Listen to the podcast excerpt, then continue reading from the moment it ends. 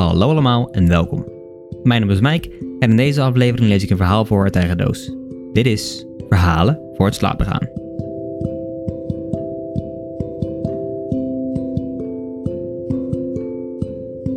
Vorige week was ik een tijdje weg. Niet ver weg, maar net over de grens bij Limburg. Ik was namelijk mee met het jaarlijkse zomerkamp van uitgeverij Das Mag. Het kamp waar de uitgeverij Jong Schrijftalent de kans geeft om onder toezicht van verschillende auteurs aan een verhaal te werken. Al moet ik hier wel even zeggen dat ik technisch gezien niet mee was als deelnemer, maar toch heb ik een verhaal geschreven. Aan het begin van het kamp zei een van de redacteuren dat er nooit een verhaal is geschreven over de vissers, die aan de overkant van het kamp zaten te vissen. En daarom nam ik die uitdaging aan om er een verhaal over te schrijven. Eigenlijk gaat het verhaal dat ik straks ga voorlezen over een visser die graag een deelnemer aan het zomerkamp zou willen zijn en een deelnemer die meer wil weten van de visser. Het verhaal wisselt steeds van perspectief. Vanuit de ik-persoon springen we steeds over naar het hoofd van de ander. In de geschreven tekst heb ik dit duidelijk gemaakt door het perspectief van de visser meer aan de linkerkant van de pagina te zetten en het perspectief van de deelnemer rechts. Maar tijdens het voorlezen is dat verschil wat minder goed te maken. Daarom zal ik iets langer pauze houden tussen de perspectiefwisselingen in, zodat het voor zo min mogelijk verwarring zorgt. Op het eind lopen de twee perspectieven in elkaar over, dus als je je dan opeens afvraagt in wiens hoofd we nu zitten, is dat niet per se erg. Misschien is dat juist wel de bedoeling. Verder kan ik er weinig over zeggen. Dus ik zal maar gewoon beginnen met lezen. Dit is De Visser.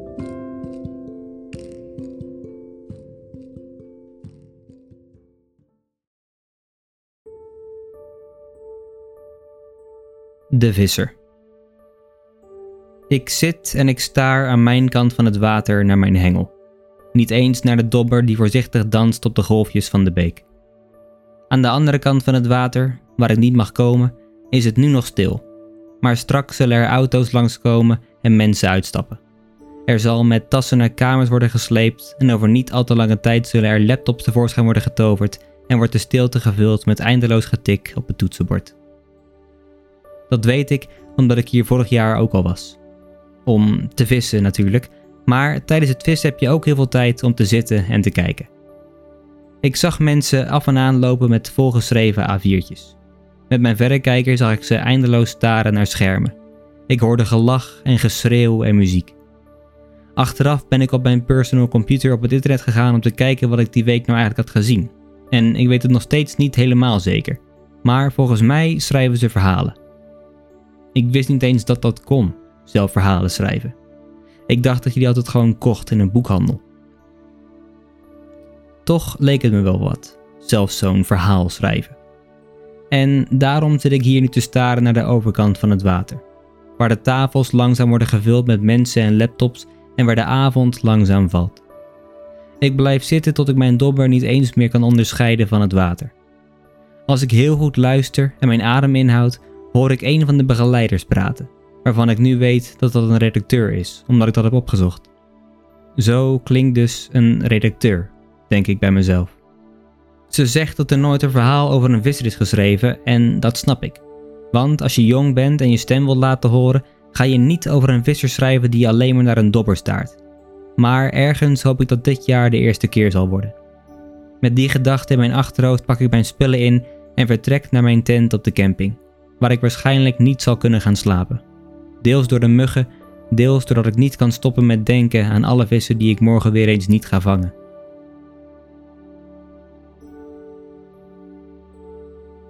Er zit daar aan de andere kant van het water een man naar ons te staren.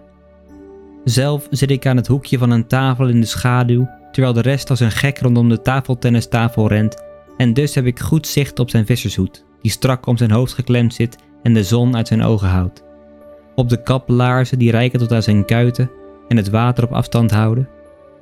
Eigenlijk lijkt de hele outfit ervoor gemaakt dat hij, als hij door een windvlaag of een sterke vis die aan zijn henkel trekt in het water valt, nog steeds helemaal droog uit het beekje zou kunnen klimmen. Zijn dobber is al een paar keer onder water gegaan, maar daar lijkt hij niks van te merken. Gisteren zat hij er ook al zonder op te letten, maar toen dacht ik dat hij misschien overrompeld was door deze nieuwe groep mensen die ineens tegenover zijn stek was komen te zitten. Een van de redacteuren had hem gisteren zelf toch aangewezen en gezegd dat er nog nooit iemand een verhaal over een visser had geschreven.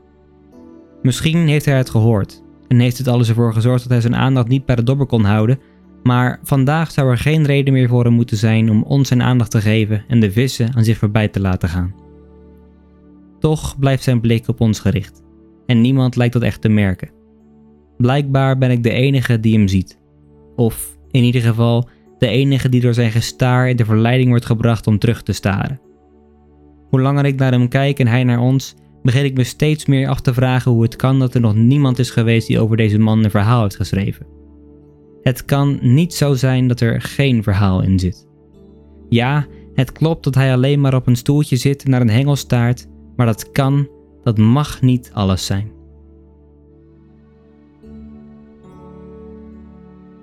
Vandaag ga ik voor het eerst in mijn leven iets schrijven in het notitieboekje dat ik nu al zo'n 20 jaar bij me draag.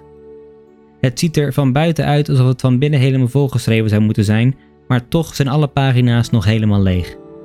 Ik weet niet zo goed waarom. Misschien heb ik in al die jaren dat ik op deze planeet rond heb gelopen gewoon nog nooit iets echt noemenswaardigs meegemaakt. Wanneer het jong talent naar buiten komt om tegenover de schrijver te gaan zitten, haal ook ik het boekje uit mijn zak en sla het open. Ik hoor gelach en geklap. En hoewel ik mezelf er net op tijd van kan weerhouden om mee te klappen, kan ik een glimlach niet onderdrukken, terwijl ik niet eens precies weet wat er dan zo grappig zou moeten zijn. Dan wordt het stil. Dat zou moeten betekenen dat de schrijver nu aan het woord is, maar blijkbaar draagt een stem niet tot over het water. Met mijn notitieboekje opengeslagen en mijn pen in de aanslag buig ik voorover om ook maar elke vorm van wat lijkt op de schaduw van het kleinste woord te kunnen overnemen. Maar voor ik het weet verlies ik mijn evenwicht en val ik met een plons in het beekje. Ik kan moeilijk beoordelen of het water vuiler is dan het koud is of andersom, maar eigenlijk boeit dat ook niet. Ik weet alleen dat er van het notitieboekje in mijn handen straks niets meer over zal zijn en dat ik zo snel mogelijk uit het water moet komen. Na wat voelt als een kwartier te hebben gesparteld wil het me niet lukken om er aan mijn kant weer uit te klimmen. Dus zwem ik naar de verboden overkant waar ik al zuchtend en puffend uit het water klauter. Niemand kijkt naar me. Hier sta ik dan, drijfnat en met niets dan een laag hekje tussen mij en de anderen in.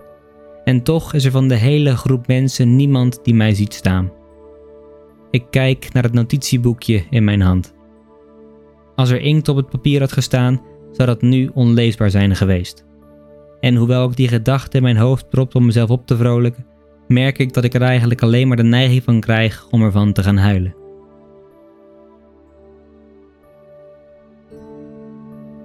Volgens mij begin ik gek te worden.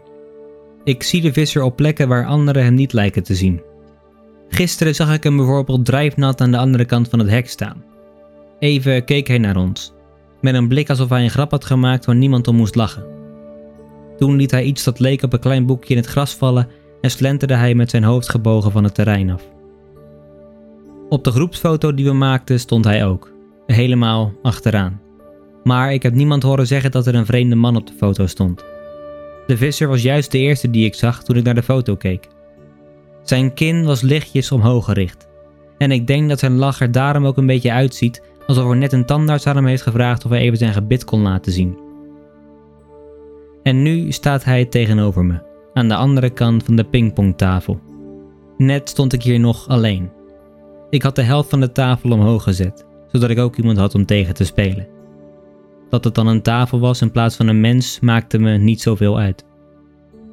Toen ik ongeveer 20 minuten bezig was, hoorde ik gestommel naast me. En toen ik opzij keek, zag ik de visser. Zonder iets tegen me te zeggen, liep hij om de tafel heen, haalde de omhoog gezette kant van de tafel omlaag en pakte een bedje.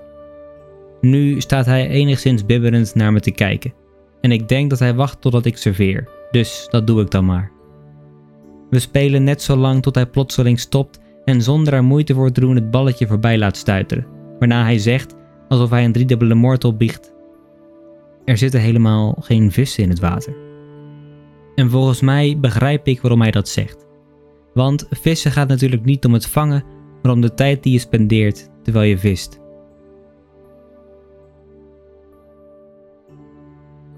Wanneer we de volgende dag aan mijn kant van het water zitten te vissen, vraag ik aan hem of hij al iets geschreven heeft.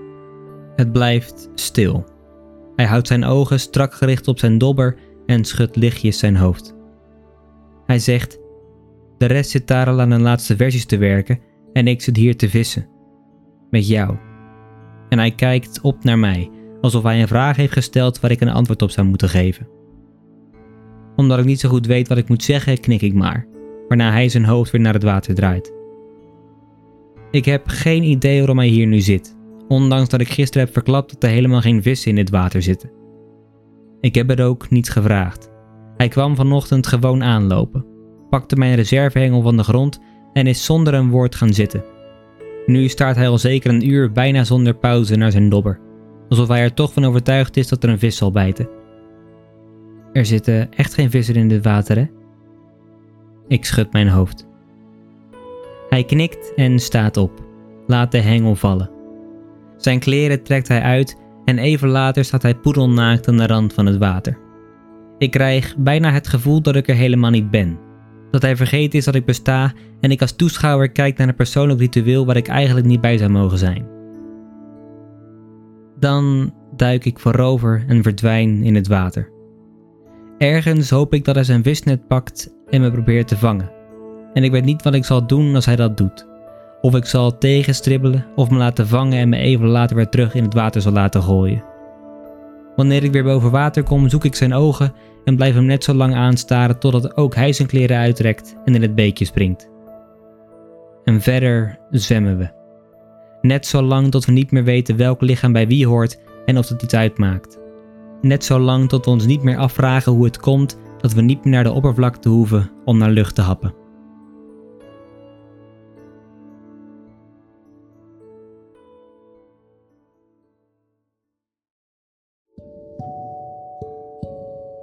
Dat was De Visser. Ik heb lang niet geweten waar het verhaal zou eindigen en waar het verhaal over zou moeten gaan. Eerst wist ik alleen dat ik wilde schrijven over een visser die naar een deelnemer keek en een deelnemer die naar hem terugkeek, waarna ze elkaar op het einde pas zouden ontmoeten. Van een team van de uitgeverij kreeg ik echter de tip om het verhaal te laten ontsporen en gekke dingen te laten gebeuren, waardoor ik op het idee kwam om ze elkaar wat eerder te laten ontmoeten, zodat het uit de hand kon lopen. Vervolgens heb ik nog met drie anderen gepraat over het verhaal. Met de eerste heb ik bizarre situaties en eindes gebrainstormd. Met de tweede heb ik het gehad over de structuur en het perspectief van het verhaal. En met de laatste heb ik het vooral gehad over hoe ik van wat ik tot dan toe had geschreven een kloppend geheel kon maken. En dat is dit verhaal geworden. Volgens mij gaat het verhaal vooral over twee mensen die zich niet helemaal thuis voelen op een plek en daarom elkaar zoeken en uiteindelijk ook vinden. Het was ontzettend leuk en leerzaam om op deze manier in een week met 19 anderen een verhaal te schrijven. En ik hoop dat het ook weer eens iets anders is dan wat ik normaal schrijf. In de komende weken ga ik verschillende verhalen voorlezen van andere deelnemers. Dus dan heb je alvast iets om naar uit te kijken. Mocht je nou ook een verhaal hebben geschreven en wil je dat terug horen op de podcast, ga dan naar www.verhalenvoorhetslapengaan.com inzenden. Of klik op de link in de beschrijving van deze podcast en wie weet lees ik hem binnenkort voor. Voor ik afsluit nog één dingetje. Het luisteren van de podcast is gratis, maar het maken is dat niet. Natuurlijk vind ik het hartstikke leuk om te doen, maar mocht je bij willen dragen aan de verbetering van zowel de inhoud als de kwaliteit van de podcast, dan kan dat via PayPal of Kofi. De link daarvoor staat in de beschrijving. En een deel van de donaties komt ook weer bij jullie terug, in de vorm van bijvoorbeeld giveaways en andere leuke prijzen. Ik wil jullie hartstikke bedanken voor het luisteren naar deze podcast. Voor achter de schermen, updates, vragen of opmerkingen kun je me vinden op Instagram en Facebook onder de naam Verhalen voor het slapen gaan. En dan zie, slash hoor ik jullie volgende week. Voor nu, goede nacht, slaap zacht.